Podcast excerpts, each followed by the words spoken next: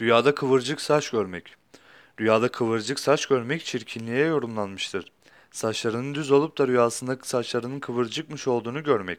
O kimsenin hakkında arkasından çirkin dedikodular yapıldığını işaret eder.